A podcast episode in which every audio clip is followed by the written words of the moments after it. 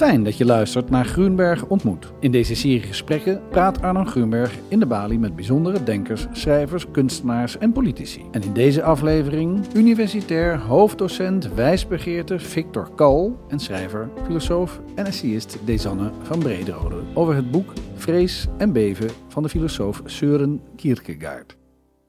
Maar voor we gaan luisteren spreek ik, Juri Albrecht, directeur van de Bali, kort met schrijver Arnon Groenberg. Welkom Arnon. Dit gesprek gaat onder andere over religie. Je hebt zelf een Joodse achtergrond. Wat heb jij met religie?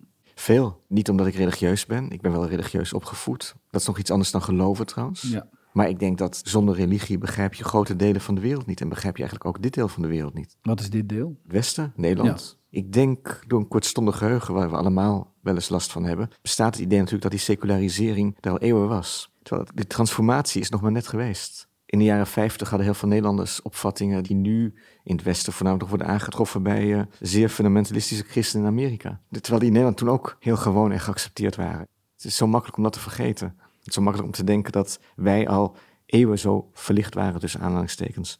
En in die zin, ik denk dat het ook het verlangen naar God en naar geloven en naar de gemeenschap die daarbij hoort, die je krijgt als je een geloof gaat organiseren, dat die natuurlijk niet zijn verdwenen. En dat heb ik ook wel vaker beweerd. En ik ben niet de enige die dat beweert. Je ziet ook allerlei vervangende religies.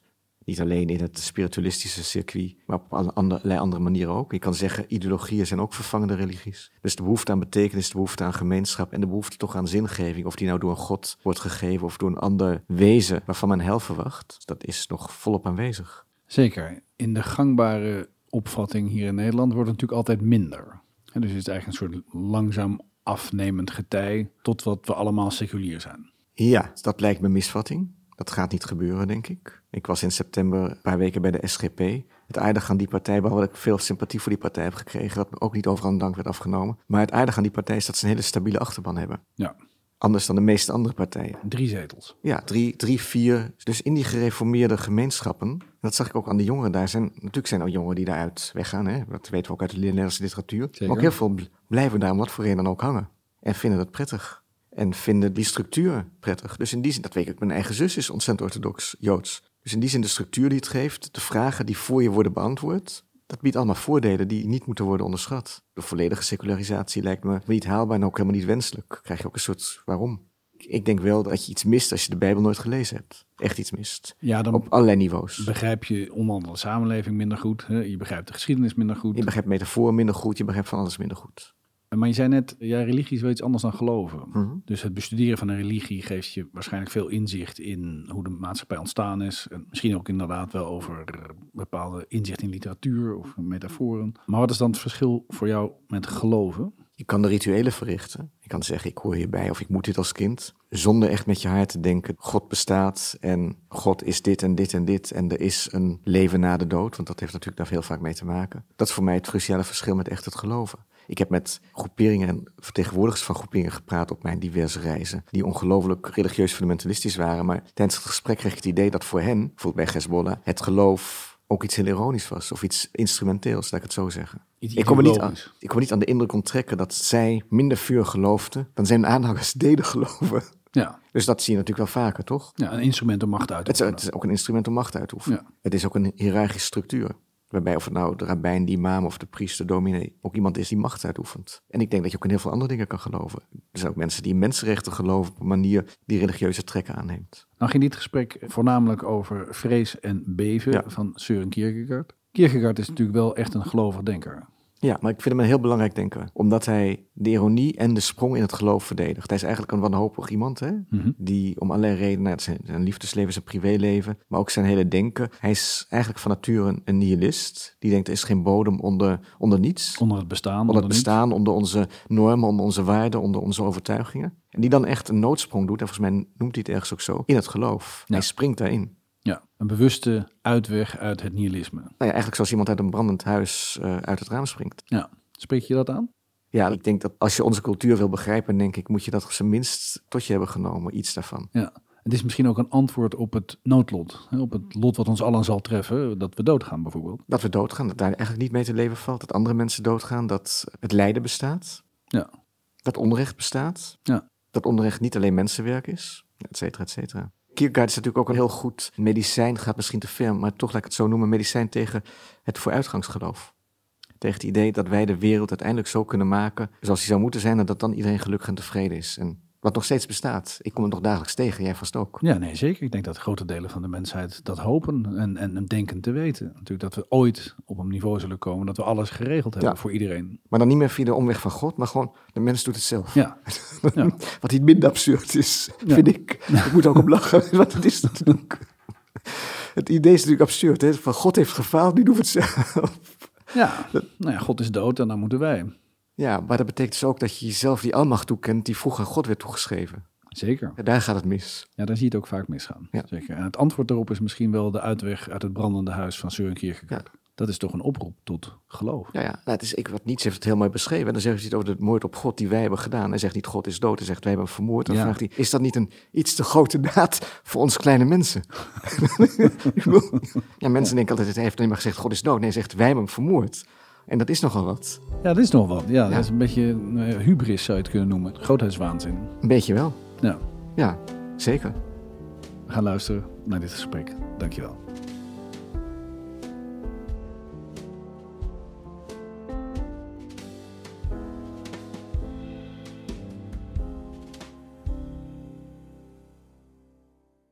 Goedenavond, welkom bij de eerste Gumberg ontmoet na, of misschien moet je toch nog zeggen tijdens het coronavirus. En dan ga ik u nu aan mijn gasten voorstellen. Rechts van mij, en onderbreek me als ik jou verkeerd introduceer of een fout maak.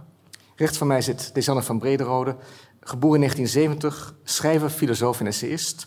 Ze schreef onder andere de romans A.W. Weerom Corpus, 1994, Hart in Hart, 2011, Vallende Vorst, 2015 en de essaybundel De Ziel onder de Arm, 2013. In 2018 maakte zij haar poëziedebuut met Verzonnen Grond. En in 2007 won ze de literatuurprijs Gerard Walschap Londenzeel. Ben ik iets belangrijks vergeten? Nee, ja, dat mijn laatste roman Wonderlamp heet. Nou, dat, dat vind ik een heel belangrijke toevoeging. Ja, De laatste- tenminste, ja, dat vind je altijd nog degene die ermee door kan. Dus als mensen iets Dus ik willen heb alles genoemd wat er niet mee door kan en wat er juist toch... Nou, dat is Nou ja, ik begin een ja. avond met een faux pas, maar die, laatste roman heet Wonderland. En die is, Wonderlamp. Wonderlamp. Het wordt de tweede faux pas vanavond. Normaal Nee, begin ik vanavond niet, de beter. maar- ja. Wonderlamp 2019, hè? Of 2020? geloof het wel, ja. 2019. Oké, ik ga de rest van de avond gaat beter. Dankjewel. Links van mij, en onderbreek me weer als ik fouten maak, Victor Kal, 1951 geboren, universitair hoofddocent wijsbegeerd aan de faculteit Geesteswetenschappen van de UvA, afdeling Theologie en Religiestudies. Kal schreef onder andere Levinas en Rosenzweig, 99, bekroond met de erepenning Tijdens Godgeleerdheid Genootschap. Als mede de Joodse religie in de moderne wijsbegeerte van Spinoza tot Derrida, 2008. En binnenkort brengt Prometheus jouw boek uit, de list van Spinoza. Nog allemaal correct. Ja, Ja. ja. ja, Eh, we gaan het hebben over Vrees en Beven van Søren Kierkegaard. We hebben afgesproken Kierkegaard te zeggen. Victor heeft tijdens het eten mij verteld dat een echte filosoof Hegel zegt. Tot mijn verbazing en ontzetting moet ik daaraan toevoegen. Maar gelukkig zegt de echte filosofen of echte filosofen nog wel Heidegger. Hè? Ja. Ja, dat vond ik toch, weer, eh, toch wel weer fijn. Eh Søren Kierkegaard, voor de mensen, Kierkegaard, voor de mensen die, dat, die niet weten wie hij is, een Deense filosoof uit de 19e eeuw, schreef onder diverse pseudoniemen. Een probleem wat we hier vanavond misschien nog even gaan behandelen. Waaronder Johannes de Silentio, Johannes Climacus, Anticlimacus. eh, en hij schreef de Sebeno's, ik noem een paar, de herhaling, eh, de ziekte tot de dood en of het begrip angst, als mede vrees en beven. Wat, eh, waarin centraal staat het verhaal van Abraham die de opdracht krijgt van God om zijn zoon te offeren. En ik vroeg me eigenlijk ook af hoeveel mensen zijn niet bekend met dit verhaal of hebben maar een vaag idee waar het verhaal van Abraham en Isaac over gaat. Als u een vinger, u weet, u hebt geen idee van Abraham? Nee, nee. Nou, ik heb een stuk van de Statenbijbel uitgeprint waar dat uitvoerig te sprake komt, dus we kunnen altijd terug naar de brontekst. Maar heel in het kort, Abraham krijgt, en corrigeer me als ik een fout maak, nee, daar reken ik op. Abraham krijgt opdracht van God Nadat hij eigenlijk, zijn wonder al gebeurd, is. Sarah kreeg op hoge leeftijd nog een zoon. God beloofde hem eh, dat hij eh, een, een, een volk zou stichten, een belangrijk volk, het uitverkoren volk. Daarvoor is die zoon nodig, Isaac. Hij had daarvoor al een zoon gemaakt bij een dienstmaagd, Ismaël. En dan krijgt hij tot zijn verbazing te horen dat hij zijn zoon moet offeren. Dat hij naar de berg moet en zijn zoon moet offeren. Dat klinkt vaag bekend. Ik kijk vooral u aan, wat u net zo als enige, voor, ik kon, voor zover kon zien, eh, de vinger opstak. Ja, nou, als het verder onduidelijk wordt. Ik heb één, eh, ja, correctie. Van, je zegt een paar keer van uh, Abraham krijgt de opdracht van God, maar het verhaal begint met Abraham wordt beproefd. En daarna komt die opdracht. Een beproeving zit er tussenin. Dus hij wordt beproefd door God. En dan begint het verhaal eigenlijk. Wat een beproeving is, is nog een... Nog een je, je, bedoelt ook een beproeving is iets fundamenteel anders dan een opdracht? Uh, ja, een beproeving is, uh, je kan op een beproeving kan je op ingaan, kan je niet op ingaan. En een opdracht kan je toch ook naast je neerleggen, of niet? Zeker, zonder meer, ja. Ik wil eigenlijk beginnen, ook omdat jullie allebei, ik zeg het voorzichtig, mede omdat uh, Victor aan het begin, net voordat de mensen binnenkwamen, tijdens het binnenkomen van u, geacht publiek, zei: Besef je wel dat religie voor de meeste mensen in Nederland een gepasseerd station is?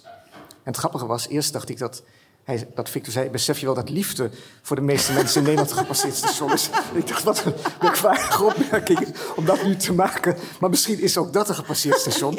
Maar dan ook mijn antwoord was, er zijn heel veel gepasseerde stationen. Maar uh, om dat gepasseerde station toch een beetje in kaart te brengen en in context te plaatsen, wil ik eigenlijk beginnen met praten, voor we ingaan op Kierkegaard en Vrees en Beven, met, met religie in het algemeen en jullie band daarmee. En uh, ik vond, uh, Victor, um, op YouTube een heel mooi interview met jou en Baudard, 2017. Ik wilde als je het goed vindt, even uit voorlezen, omdat je iets heel moois zegt, wat mij betreft. Uh, de vraag wordt aan jou gesteld, was u op zoek naar zingeving? En dan antwoord je nee, helemaal niet. Ik was al filosoof sinds jaar en dag en in die filosofie vond ik alle zin die ik nodig had. Maar geen cultuur, geen religieuze vormen. Dus ik was al religieus voordat ik een religie had, eigenlijk. Vanuit die filosofie ben ik toen op zoek gegaan naar wat ik kon doen. Ik niet alleen, we hadden een gezin, vrouw en vier kinderen. En toen zijn we gaan shoppen. En zijn we joods geworden. Het was eigenlijk geen zoektocht naar zingeving. Het leven was zo zinvol als wat. Als je vier kinderen hebt, dan heb je ook niet zo'n punt van zingeving. Dan heb je vooral een hoop te doen. Einde citaat. Ik, vond dat, ik vind het een van de meest ontroerende bekeringsverhalen die ik ken. Ook vanwege dat woord shoppen. En mijn eerste reactie, ik weet dat het anders is gegaan, maar ik dacht heel even van, god, was, was het Jodendom in de aanbieding? of hoe, hoe, als je gaat soppen voor religie, waarom dan het Jodendom? Uh, ja, waarom het Jodendom? Voor een deel wordt een keuze bepaald door wat je niet wil. Dus al het andere was al afgevallen. Uh, dus dat is één. En, uh, de, de... Ik onderbreek je even als je zegt al het andere. Het andere wat je, je alle andere monotheïstische, van, ja? van, van katholicisme, protestant, katholiek, vrije schoolachtige ja. dingen, dat was in onze omgeving aanwezig. Uh, islam is nooit in onze buurt geweest toen. boeddhisme was ook niet in onze buurt. wat in onze buurt was, en zo is het gegaan, ergens qua traditie kan je zeggen, was Isaac Bashevis Singer, de verhalenschrijver. Ja. En dat is een Joodse wereld, op zijn manier. En dat was ergens de wereld waarin wij zowel mijn vrouw als ik, uh, ergens thuis waren. En wij zijn, onze religie kan je zeggen, was Singer. Dat is heel mooi, dankzij de verhalen. Ik weet niet of u bekend bent met Singer. De, ja. Hij is een Nobelprijswinnaar, schreef in het Jiddisch. Bij mij weten de enige Nobelprijswinnaar die ooit in het Jiddisch heeft geschreven. Komt uit Oost-Europa, is naar Manhattan verhuisd, is daar ook gestorven. En heeft eigenlijk de wereld van Stettel onder andere in kaart gebracht. Ja, maar ook de wereld van allerlei vage... Uh, Joodse dwalende mensen in Polen die, uh, die bezig waren met Einstein en Freud en Spinoza enzovoort. En wat sprak jou precies zo aan in, in Singer dat je dacht, dit is de route naar... Uh, dat heeft met religie niet zoveel te maken. Dat was, uh, wat erg geruststellend was voor zowel mijn vrouw als mij, was dat het leven van de hoofdfiguur die hij schetste een rafelig leven was. Dus niet, niet rafelig. Rafelig, ja. En ehm, rafelig, maar Singer heeft als grote kwaliteit dat hij zijn zijn figuren, hoe, hoe stom ze ook, hoe, hoe, domme dingen ze ook doen in het leven, hij laat ze niet in de steek, als schrijver niet. En die, die trouw, dat is het punt eigenlijk. Zit. De trouw aan zijn personages, de rafelige levens. Ja. ja. Trouw aan rafelige mensen. Ja. Is dat ook een leidraad voor moraal, zou je kunnen zeggen? Voor jouw eh, moraal? Uh, zover moraal iets individueels is? Nou ja, zo individueel van trouw aan mijzelf als rafelig wezen. jij, jij wil graag worden wie je bent, betekent voor jou rafelig blijven. Dat weet ik niet, maar ik ben het nu eenmaal. De Zandberg, jou vond ik ook een, een heel mooi citaat. En wel uit een interview uh, in Wapenveld 2011. Oh, ja. Mag je dat even voorlezen? Ik ga niet alles voorlezen, maar ik begin, het begin, je begint bij Kierkegaard. Dan zeg je ook, bij hem heb je de suspensie van het ethische. Hij stelt de vraag of het juist is dat Abraham bereid is zijn doel. Het tonen van zijn absolute gehoorzaamheid aan God te verwezenlijken door middel van een onethische daad, namelijk het offeren van zijn zoon. Met andere woorden, is hij een gelovige of een moordenaar? Ik denk soms dat ook een suspensie van het psychologische bestaat. Is het goed je doel, namelijk het tonen van gehoorzaamheid aan God, te verwezenlijken door heilig leven als een onmenselijke topsport te bedrijven? Ben je dan een gelovige of een masochist? Het vechten tegen het al te menselijke blijft, maar moet tegelijkertijd geen heroïsch doel op zichzelf worden, waardoor de genade eruit valt. Om met Luther te spreken, dan ontken je dat je eigenlijk al verlost bent. Hij, Luther, schrijft ergens dat God soms een rechtschapen iemand naar de hoeren stuurt, juist om erachter te komen dat diegene niet over een ander moet oordelen en dat je God echt nodig hebt. Dit ontroerde me zo. Al die hoerenlopers zijn door God naar de hoeren gestuurd een beetje, of in ieder geval ten dele, om te bewijzen dat ze. Ik bedoel, het klinkt ironisch, maar ik meen het ergens diep van binnen, dat, dat ze niet zo snel moeten oordelen. Nee, want nu draai je het om. Hij zegt dat uh, God soms een, res, een Soms. rechtschapen mens naar de hoeren stuurt om. Maar dat is niet automatisch dat daarmee alle hoerenlopers rechtschapen zijn. Ik bedoel, dat is hetzelfde Maar- als hè, eh, koeien zijn dieren, maar niet alle dieren zijn koeien. ja, zijn Dus ja. 50 procent?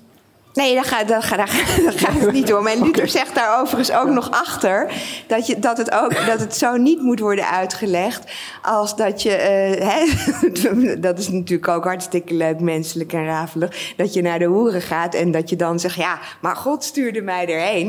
Ik bedoel, dan, ehm, maar ik, het, het is natuurlijk in een ruimere context. Overigens wist ik helemaal niet dat ik dat, dat, ik dat had gezegd. Eh, Het is natuurlijk ook alweer langer geleden. En ik denk daar nu weer misschien nog weer wat anders over. Ehm, Over welk Maar- gedeelte van het citaat precies? Of over het hele citaat? nou, ik, er klinkt nu wat mij betreft een soort stelligheid in door die, die, ehm, die ik nog te stellig vind. Ja, ik bedoel, je moet niet alles stuk nuanceren, maar ja, nou ja, goed. Dat, Ja. Ik zou het we- weer even moeten lezen om dat, om dat dan ehm, ergens te kunnen plaatsen. Maar ik vind het als gedachte, ik bedoel, daarmee sta ik ook niet achter alles van Luther. Maar ik vind dit als gedachte wel mooi dat. ehm, nou, dat ken ik uit mijn eigen leven ook. En dat sluit denk ik ook aan bij de rafeligheid die net werd genoemd.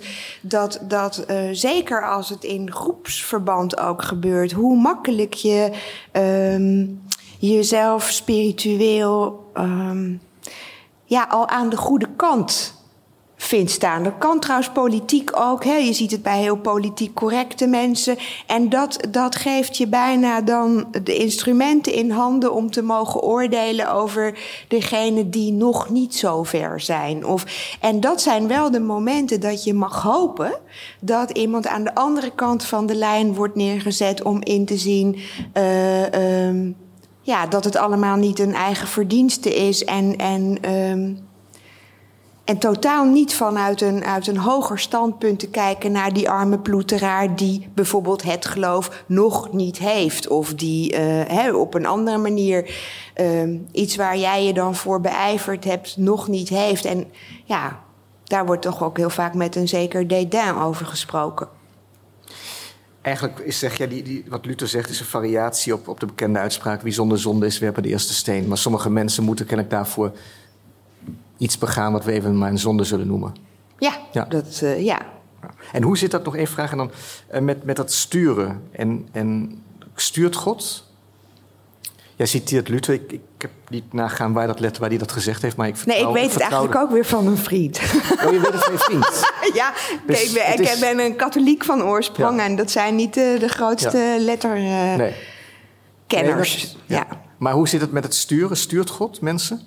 Eh, nou ja, je, je, je zou je kunnen voorstellen dat mensen iets hebben, bedoel, of dat nou naar de hoeren gaan is of iets anders, maar dat, er iets op je weg wordt gestuurd. Ik kan dat ook in mijn eigen leven wel terugzien. Dat je denkt van dit of dat zou ik nooit doen. Of, of nou, mensen die zoiets doen, jongen, jongen. Ja, en dan eh, ehm, is het toch wel wonderlijk dat je da- daarna je misschien soms in een situatie bevindt. En precies hetzelfde doet. Ja, Ja. ja. En ik vind, dat, bedoel, dat is ook waar natuurlijk het, het schrijfbloed ook lekker gaat jeuken. Hè? Maar kunnen we dat ook al een beproeving noemen?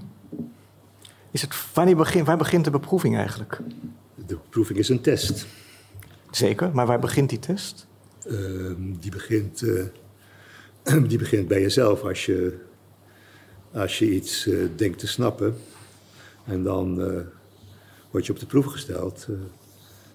laat eens, je moet laten zien of je het echt, of je het echt begrijpt.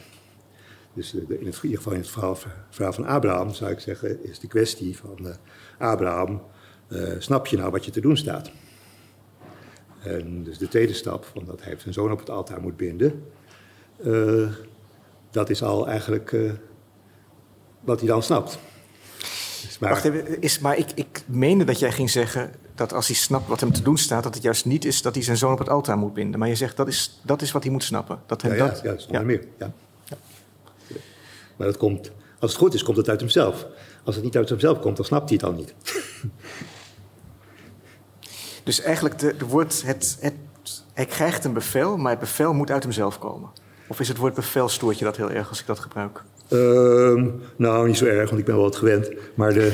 dat, dat blijft van, van mij of in het algemeen van mensen? In het algemeen. Oké. maar de, uh, hij krijgt de opdracht, hoe je het ook noemt. Ja. Bevel maakt niet uit. Uh, maar uh, je moet van religie geen hocus pocus maken.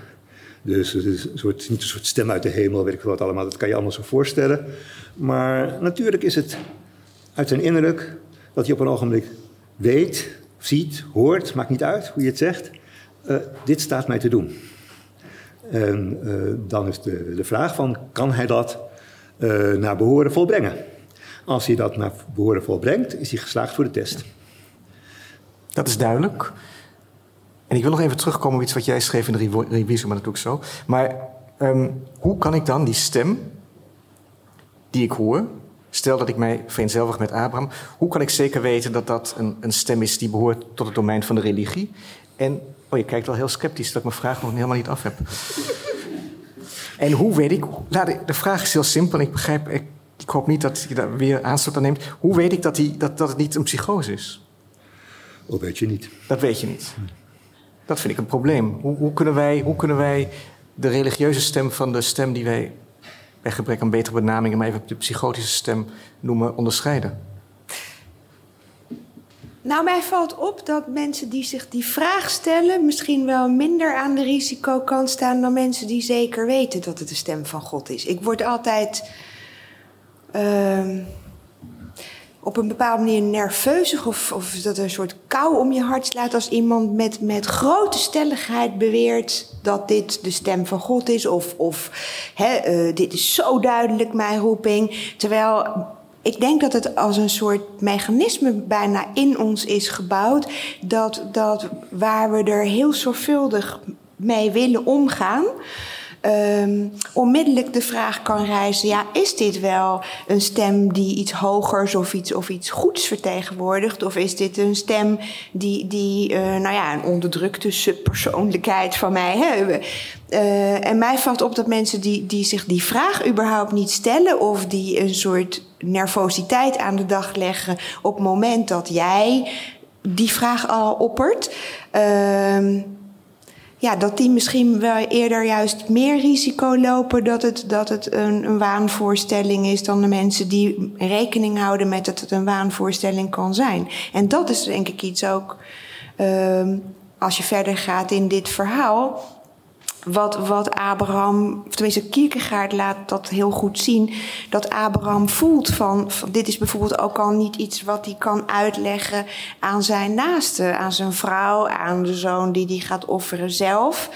Um, dat is anders dan wanneer hij zo zeker zou weten: oh, dit is God. Hè, want dan kun je tegen. Uh, en hij genoot een, bepaald gezag uh, in zijn omgeving. En uiteraard bij zijn vrouw ook. Dan kun je zeggen: God, schat, ik heb vannacht God gehoord. En het is vreselijk wat hij vraagt. Maar ja, je weet hoe we erover denken. En het feit alleen al dat hij, dat hij zich hier zo stil in zijn eenzaamheid toe moet verhouden.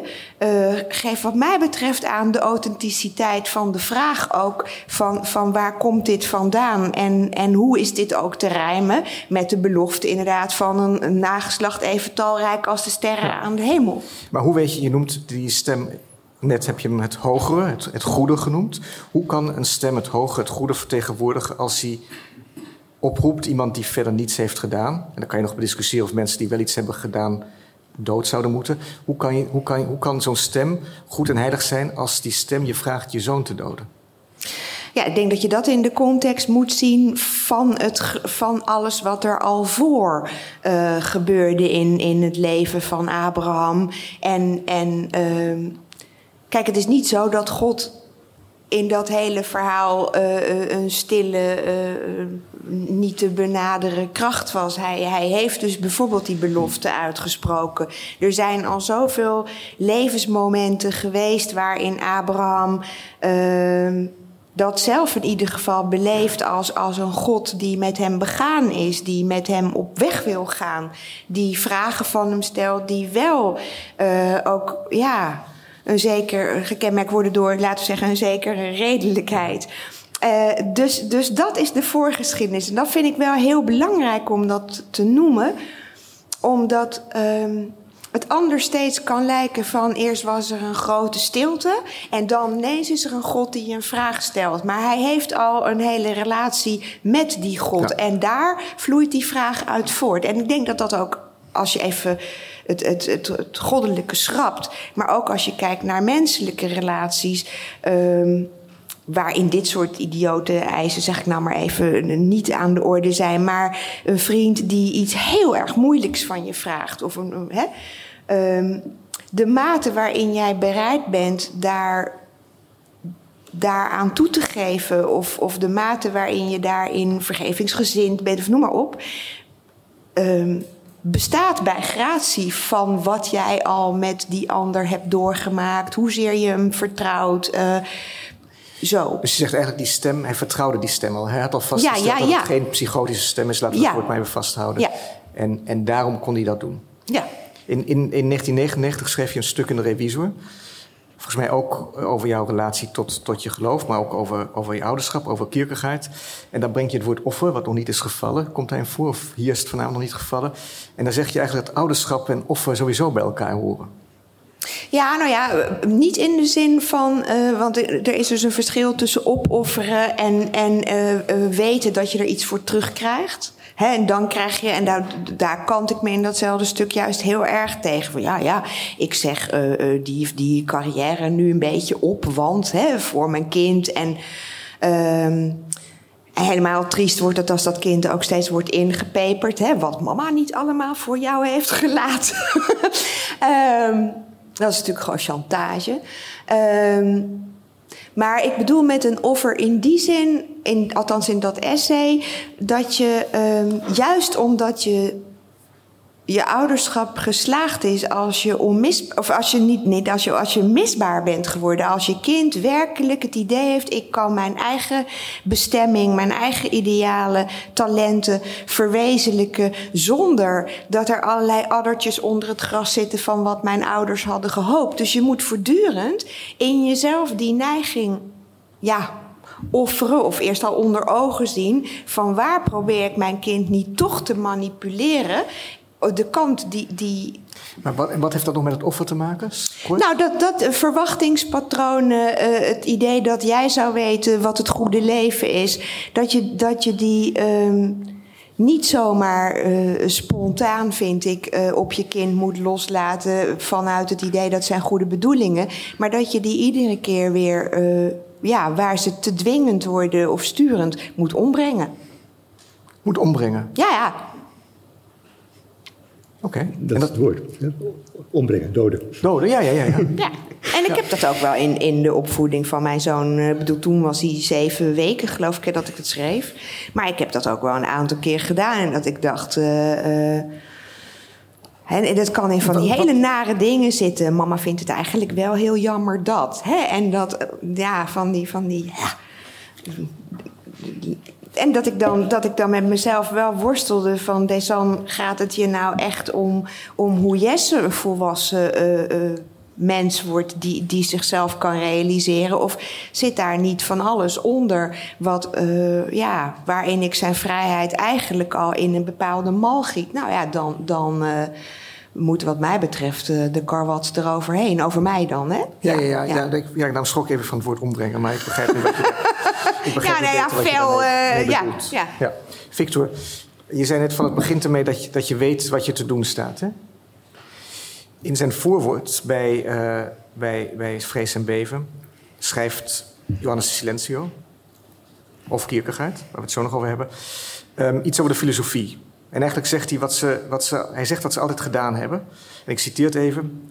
Het is misschien voorbaag en ongepast hen te vragen waar ze eigenlijk naar op weg zijn, maar wel is het hoffelijk en bescheiden het als een uitgemaakte zaak te beschouwen dat ze aan alles getwijfeld hebben. Is dat, is dat de, de, een belangrijk kenmerk, misschien wel het belangrijkste kenmerk van de filosofie, of van de filosofen, dat ze alles twijfelen? Het staat op bladzijde 9. Ja, alles wat, alles wat daar staat is ironie. Eh, dus eh eh, Kierkegaard, door middel van Johannes de Silencio, drijft de spot daar met die filosofen die zo ijverig twijfelen aan van alles en nog wat. En, maar de zin gaat verder van ze blijven niet staan bij dat twijfelen en dan gaan ze, gaan ze verder. Hebben ze Dat is wel een noodzakelijke begin, ze hebben dat, dan beginbeweging. hebben ze dat gehad. Ja. Dus Abraham, ga je een tijdje twijfelen, wikken, wegen, weet ik wel wat. En dan, eh, gelukkig hebben we Abraham gehad, was gisteren, was eigenlijk een beetje vervelend. Maar het hebben we gehad, nu gaan we verder. En hij drijft vooral de spot met dat verder gaan. Eh, want die filosofie heeft dan iets gehad en dan krijgt het een plaatsje in het systeem, zoals hij dat noemt, een denksysteem. En hij zegt, Abraham heb je nooit gehad. Dat kan je niet zeggen van, nu, Abraham hebben, we- hebben we gisteren al gehad, meneer. Abraham is nooit verleden tijd. het is nooit verleden tijd, het is altijd acuut. Dus eh, Onderschrijf je dat? Abraham is altijd acuut? Ja. Is, dat, is het acuut vanuit een religieus perspectief? Of Ehm, nou, daar zou ik nog iets heel anders over willen zeggen. De, Ja. Je kan zeggen vanuit een religieus perspectief, maar heel veel mensen binnen de religie moeten niks hebben van het verhaal hoor. Dus, eh, dus daar vergis je niet, zou ik zeggen.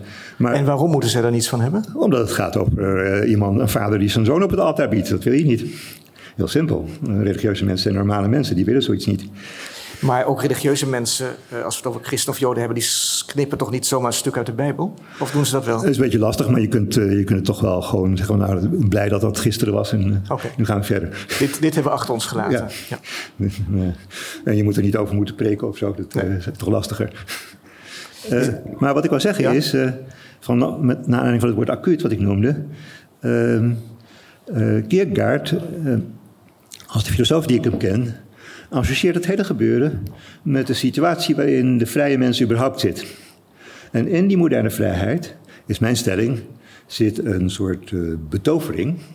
Kierkegaard noemt het zelf de hartstocht van de vrijheid. Een soort betovering, die maakt dat je met hetzelfde probleem zit als Abraham. Want hoe kan ik als eindige mens die betovering waarmaken? Net zoals Abraham die belofte die met Isaac geassocieerd is, niet zelf kan waarmaken. Dus daar moet iets tussen. Hij moet, het, hij moet Isaac toevertrouwen aan God. En net zo kan je zeggen, de vrije mens staat voor het probleem van hoe kan ik als vrij mens, nu die grandioze openheid en de betovering die hierin zit, hoe kan ik dat waarmaken? Dus ik zou zeggen, seculier gezien Ja? is dit net zo acuut. Wat kan je, dat, oké, dan nog één vraag. In de, in, wat, wat, als je het woord waarmaken gebruikt, wat moet er precies worden waargemaakt? Je hebt dus die vrijheid, de modem heeft de vrijheid. Is het het waarmaken van de vrijheid? Of wat, waarop doe je als je het woord vrij, waarmaken gebruikt? Ehm, ik bedoel, eh, de, eh, de, de vrije mens zit niet vast aan het verleden, kan je zeggen. Hij is vrij, het is open. Maar dat roept de vraag op, wat moet ik nou doen? Hoe moet ik leven? Ja. En hoe krijgt die vraag invulling? Nou, de makkelijkste manier is gewoon eh, krachtens het verleden die invulling tevoorschijn laten komen. Maar dan doe je niet recht aan die vrijheid, aan die openheid. Als je alleen maar de traditie voortzet, doe je Ja. niet recht. Ja. Dus wat je, wat je te doen staat is dat je hele hebben en houden toevertrouwen aan een soort X, een soort open, open niet ingevulde iets, in de hoop dat je dat leven terugkrijgt. Want dat is wat vrees en Dat begrijp ik, maar ik vind die. X, dat woord iets, vind ik nog wel moeilijk hoor. Omdat, Nou ja. omdat ik, ja, dan denk Het ik is van, niet ingevuld, dus je, je, je weet het niet. Het is niet een programma of zo waar je. Of een, eh, dus je Maar is dat is het toever... Ja. Het, is, het X is eigenlijk het niet weten. Ja, maar ook, ook dat kan je heel, eh, heel seculier en normaal zeggen. Van als, eh, als je je toevertrouwt aan je levenspartner. en je beschouwt je levenspartner als een vrij mens. dan weet je nog niet waar je uitkomt. Zeker. Dus, Maar dat geldt ook al voor deze Dus dat is avond. ik vertrouw mezelf toe aan jou en al je studenten. En ik weet ook niet waar ik uitkom. Ik, dat geldt niet alleen voor je partner, maar ook voor dit, dit korte intermezzo, deze, deze avond hier. Waar jij nog begeleid bent door veertigtal studenten en oud-studenten. En ik weet niet waar ik uitkom. eh, eh, Dat eh, geldt- ja, toch? Nee, ik kan me voorstellen, ja. Ja, ja dat, dat wil ik maar even gezegd hebben. Je zei net, ik, ik citeerde ehm, het pseudoniem of, of Kierkegaard. Eigenlijk heel makkelijk en bijna direct zei, oh dat is ironie. En dat vond ik wel wat snel gezegd. Misschien ook wat makkelijk gezegd, maar dat klinkt wellicht te oordelend. Maar ik wil eigenlijk vooral vragen van, wat betekent dat pseudoniem? Hoe belangrijk is, het, is dat pseudoniem? Ik bedoel, op, de voorkant van het boek staat toch heel groot Kierkegaard... in kleinere letters de, Jonas de Silencio. Hoe, hoe serieus of hoe belangrijk voor de interpretatie van deze tekst... is het feit dat Kierkegaard onder verschillende pseudoniemen schreef? Nou, andere pseudoniemen wil ik, uh, wil ik van af zijn. Maar uh, dit boek, iedereen in Denemarken wist van dit heeft Kierkegaard gemaakt. Ja. Dus wat dat betreft uh, had hij dat pseudoniem niet hoeven gebruiken. Het pseudoniem krijgt, door, krijgt daardoor des te meer gewicht. Van het gaat kennelijk niet voor Kierkegaard erom om zich te verbergen. Dus hij wil een, een spel spelen door middel van het pseudoniem. Die Jonas de Silencio wordt neergezet als iemand die Abraham niet kan volgen. Die het absurd vindt wat hij doet. En dat blijft zo in het boek. Dus het is het boek van Johannes de Silencio. Dus Kierkegaard creëert daarmee, voor de, creëert daarmee voor de lezer een ruimte van die lezer moet zelf beslissen wat hij nou eigenlijk wil met die Abraham. Johannes de Silencio blijft op afstand. Je brengt Abraham in kaart, maar gaat niet met hem mee, maakt hem niet plausibel. Maar zegt wel een heleboel dingen, zodat je als lezer eventueel kan zeggen van ja, ik ga mee met Abraham. Maar dus, dus Kierkegaard, door een pseudoniem te gebruiken, loopt de lezer niet voor de voeten. Zou je dat pseudoniem eh, als een vorm van ironie willen, mogen, kunnen omschrijven? Nee, dat is geen ironie, het is een spel. Dat is een spel? Ja. Oké, geen ironie, maar een spel. Een ironisch spel of ook dat niet? Een serieus spel? Een heel serieus spel. geen ironie, oké. Ben je het met deze, ben je het met, met Victor eens? Want je hebt het ook over, in, onder andere in de revisor, uitvoerig ook over dat pseudoniem waarvan Kierkegaard zich bedient. Um, nou, dat, dat, dat spel, dat zie ik ook. Maar ik denk dat het er ook mee te maken heeft Ehm, en ik vind het eigenlijk apart dat dat in de wijsbegeerte na Kierkegaard helemaal niet verder zoveel is opgepakt. Dat, dat ehm, ieder denkend mens beschikt over meerdere stemmen. Of, of, tenminste, juist als je je met filosofische vragen bezighoudt, dan kun je merken dat je uh, over één en hetzelfde onderwerp. Um, via verschillende gezichtspunten uh, daarover kunt denken. Waarbij je soms moet zeggen: Goh, al die gezichtspunten die ik hier nu voor mezelf ontwikkel rondom een bepaald thema, die hebben hun geldigheid en waarachtigheid.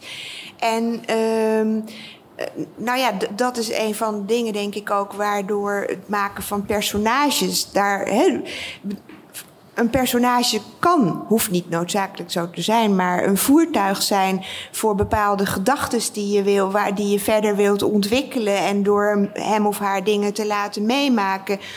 Um, en ja, dat personage wordt uit jou geboren. Dat is iemand die misschien uh, gedachten die jij een beetje hebt verder op het spits drijft. Um, maar het is heel vervelend als, als uh, lezers automatisch denken dat jij dat bent. Of dat jij dat ene aspect van die visie bent. En ik kan me heel goed voorstellen dat Kierkegaard, die toch ook controversiële dingen zegt. En dan weer zin heeft om, om uh, lekker te lachen en te spelen. En dan weer dodelijk ernstig is en bijna prekerig wordt. Dat ja, al die zielen die hij in zijn borst heeft, dat, dat het ook prettig is, niet dat hij geen keuze hoeft te maken, maar hij geeft ze allemaal de vrijheid. En dat is ook een element van vrijheid. Maar het is wel iets anders dan wat Victor zegt. Want als ik jou ja, het is anders. Ja, Victor zegt, het is eigenlijk is de strategie, als ik dat woord mag gebruiken, een strategie om de lezer te verleiden toch de kant van Abraham te kiezen, maar op een hele subtiele wijze, zonder dat hij vervalt in, in, in, in moraal. Prediker. Hij maakt geen propaganda voor Abraham. Nee, dat is Hij maakt op zeer subtiele wijze propaganda voor Abraham. Ja, als je wilt, ja. Toch? Ja. Kan, je het zo, kan je het zo zeggen? Uh, opent de mogelijkheid. Het open, ja. Nou, ik vind op zich de gedachte dat hij er niet tussen wil staan ook heel mooi. Overigens denk ik dat dat niet is waarom, het de silen, waarom hij de silencio als achternaam gebruikt. Dus er is ook een, een interpretatie uh, die zegt van hij, hij gebruikt, hij beschrijft dat die Abraham dat hij die sprong in het absurde niet kan maken. Om aan te geven, om zich eigenlijk op het, op het standpunt van Socrates te stellen. Dat, dat zoals de klassieke filosoof wist wat hij niet wist, dat dat het belangrijkste is, om te weten wat je niet begrijpt. Zo zegt hij, ik, ik, in, in, in de religie zit het onbegrijpelijke. Um, ja, maar uh, de, de, die onbegrijpelijkheid die is er wel, maar niet hier. dus uh, En waarom is hij niet hier? Ehm, voor Johannes de Silencio wel. Die zegt, ik begrijp het niet. Daarom zegt hij ook van Abraham doet wat hij doet, krachtens het absurde. Dus hij... Maar Johannes de Silencio gaat niet zo ver. Hij zegt niet Abraham is een absurdist of zoiets. Hij, is, hij heeft respect voor Abraham. Zeker, maar... En, eh, en Abraham, die op de een of andere manier, die Johannes de Silencio niet weet te vatten, weet Abraham wat hij doet. Uh, en dat komt in het boek. Wordt niet expliciet. Behalve in zo af en toe een vergissing die Johannes Silencio maakt. Hij gebruikt één keer in het boek, als ik het goed heb onthouden, het woord vertrouwen. Nou, dat is het woord waar het om gaat. Abraham weet wat vertrouwen is.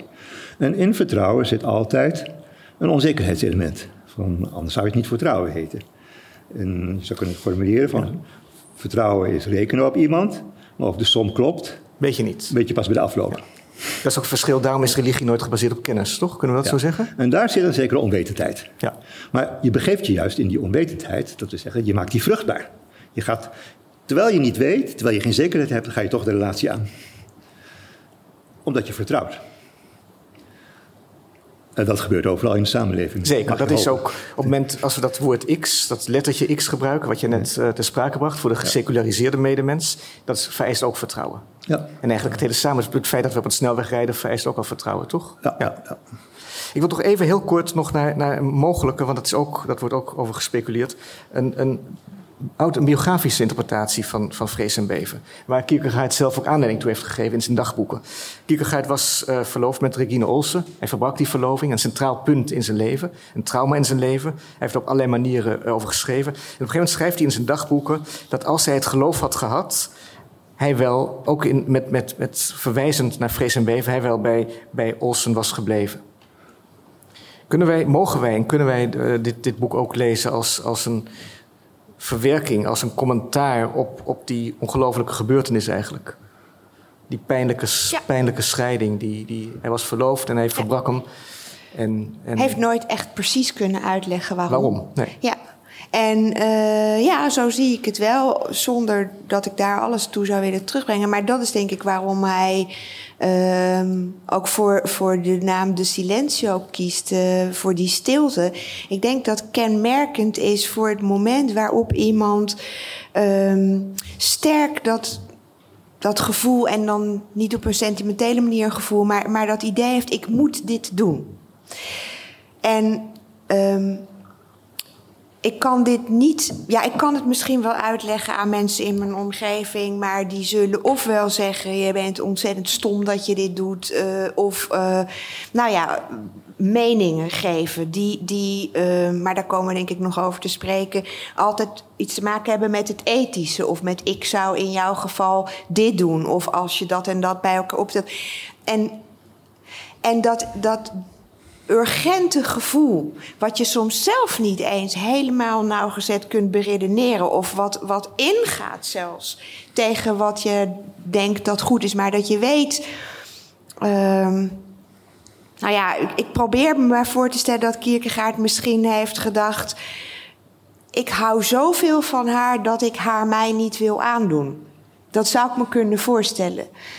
Uh, dat is heel moeilijk uit te leggen, want dan kan ik me ook voorstellen dat, dat vrienden in de omgeving zeggen: ja, maar zij houdt ook van jou, je doet er niks. Zoiets. Nou, en, en dat mij opvalt dat waar mensen uh, heel voorzichtig soms spreken over offermomenten in hun leven. Terugblikkend, er juist altijd eh, een van die kenmerken is dat, dat je de woorden wil hebt en er desondanks niet over kunt spreken. Ook omdat als je het wel zou doen, dan zou je bijna van jezelf dus een held maken. Hè? Een, een, een ridder van het geloof. dan heb je het weer van, ik hoorde die stem, ik wist dat ik dat moest doen. Het was een heel pijnlijk offer, maar het is daar en daar goed voor gebleken. En dit maakt je boek heet niet voor niks vrees en beven. Het blijft dat je... Dat je uh, ja, in een soort, soort angststemming van ontzag en, en ontreddering sprakeloos staat. En je weet waarom je het hebt gedaan. En daar wil je ook niet op, op uh, terugkomen. En desondanks moet je steeds weer voor jezelf. Ja, niet naar rechtvaardiging zoeken, maar het, het blijft ook kan iets voor jezelf ook iets onbegrijpelijks blijven.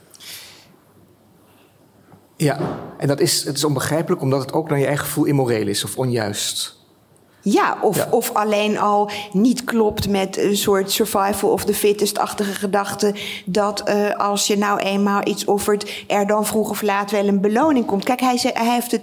In ieder geval weten we dat hij die verloving niet heeft verbroken. Omdat hij dacht: ik ben nu nog niet toe aan een vaste relatie. En misschien loopt er een nog wel waardere, leukere vrouw rond. Dat kan ook een reden zijn om iets uit te maken. Eigenlijk is het een hele leven om maar blijven, om blijven treuren, toch? Ja, daarom. Dus het is heel smartelijk. En je kan ook zeggen van hij heeft zichzelf daarmee enorm gekweld. En hij, hij wist dat dit. En, en dat zijn momenten daarin kan zelfs de beste psycholoog niet in iemands ziel kijken. Dat maakt het zo eenzaam. En daar kan ook niet over gepreekt worden dat maakt hij natuurlijk ook duidelijk. Dit zijn momenten waar je met de beste wil van de wereld geen zingevende preek aan kunt ontwringen.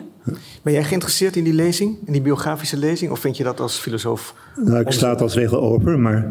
De, je staat over. Ja, Maar uh, je kan, ik denk dat, je, dat het hier uh, relevant is om het boek De Herhaling te lezen, wat hij in hetzelfde jaar heeft gepubliceerd. Ja. En daar behandelt hij eigenlijk de mogelijkheid van het huwelijk. En natuurlijk wat hij niet is aangegaan met Regine. En hij laat daar heel precies eigenlijk zien het filosofische probleem wat hij daar heeft.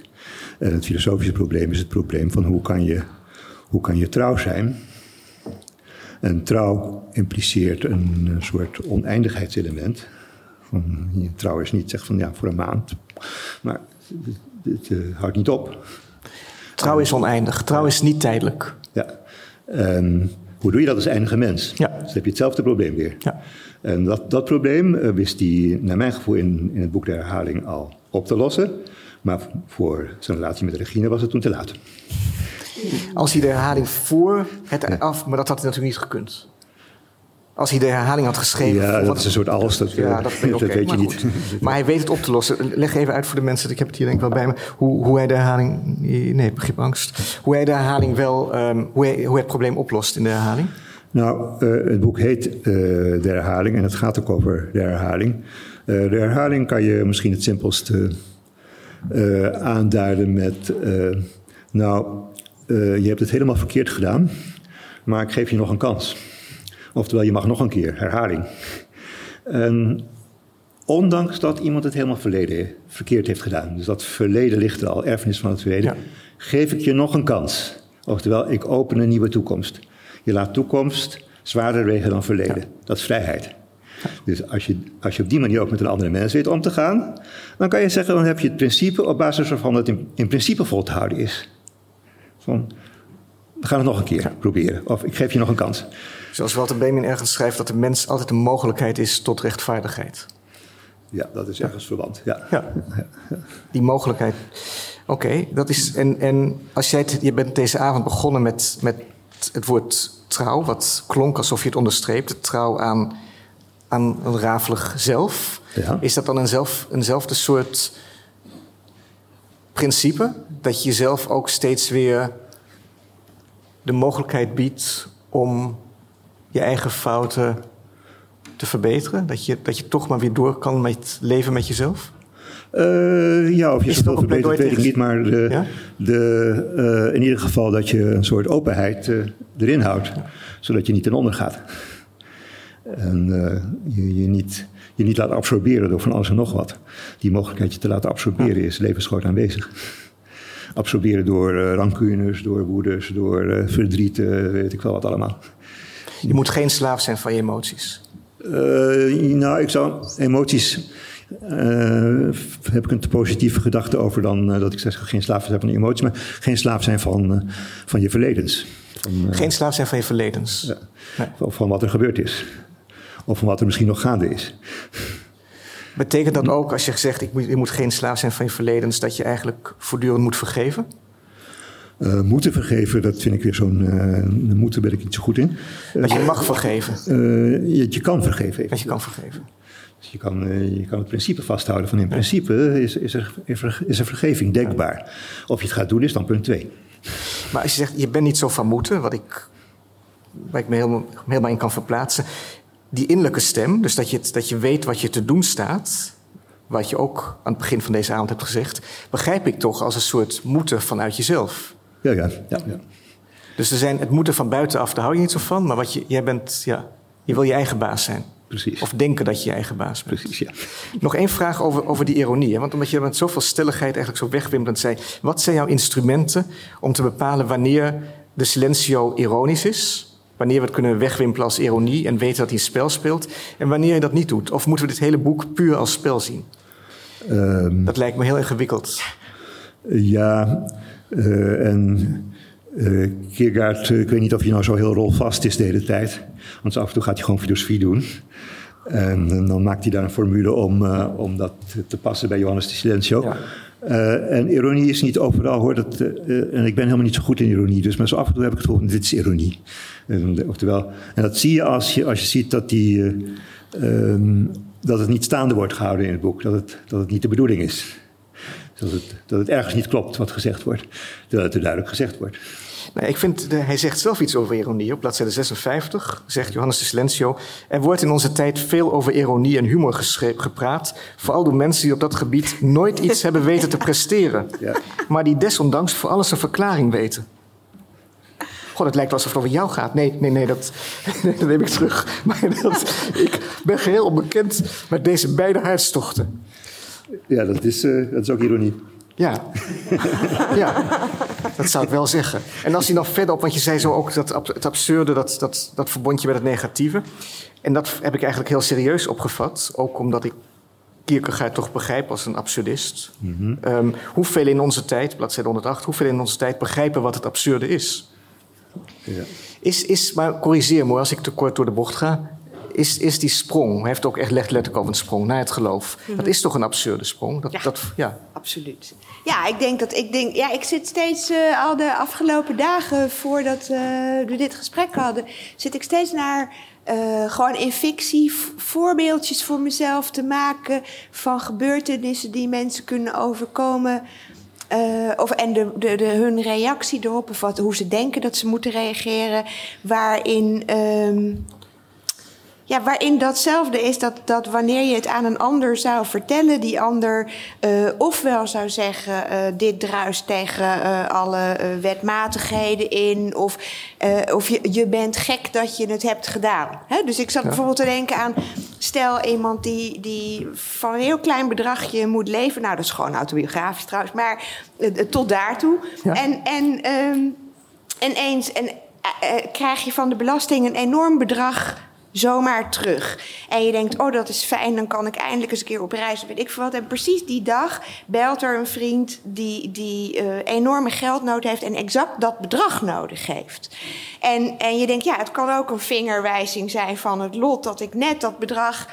Nou, en dat, dat zijn van die dingen die kunnen bijna alleen maar in stilte. Want zou je het uitleggen, dan zou dat of betekenen... kijk, mij is geweldig genereus zijn. Eh, of, of mensen zouden zeggen, wat stom, nou kun je eindelijk eens een keer leuk met een vriendin op vakantie... en doe je het weer niet. En dus, dus dat zijn, zijn allemaal van dit soort momenten... waarbij, je, waarbij mensen dus... ehm Maar ik vind, mag, als ik je mag onderbreken, er zit toch wel een, een groot verschil. Want ik bedoel, iedereen kan zeggen, oké, ik krijg 20.000 van de belasting terug. Mijn buurman, mijn beste vriend heeft dat nodig. Daar heb je God niet voor nodig. Nee, dat Dus gaat, waar- voor, voor mij gaat het dus ook veel minder om God, maar om, om keuzes waarvan je het idee hebt: dit heeft zo moeten zijn, of dit moet zo zijn, of dit doet echt een appel op mij. Het is ook niet iets wat iemand anders op dit moment kan doen. En waarbij je tegelijk weet dat eh, op welke manier je dat ook eh, gaat rechtvaardigen of onder woorden gaat brengen. eh, Dus religie is- het, het, maar het idioot klinkt. Maar dus eigenlijk in, in jouw religieuze beleving speelt God een, een bijrol. Een kleine, een kleine figurantenrol misschien? Nee, nee, want dan zou ik bepalen welke rol God heeft. Dat vind ik al niet religieus. Als ik zeg, hè, op zondag welke- wel. En, je weet niet welke rol hij speelt. Nee, ik weet niet welke rol die speelt. Nee, ik weet niet. wel. En ik zou het ook niet netjes vinden als ik zou doen alsof ik dat wel weet. Dan, dan, eh, ja, dan maak ik hem aan mij gelijk. Ik Victor, wil je even over het woord absurde. eh, ja, ik wilde eigenlijk iets over God zeggen, maar ik laat jou Nee, de eer om even over het absurde Ja, te Dat is, kun je zeggen, de, een van de meest sterke termen van het hele boek Vrees en Beven.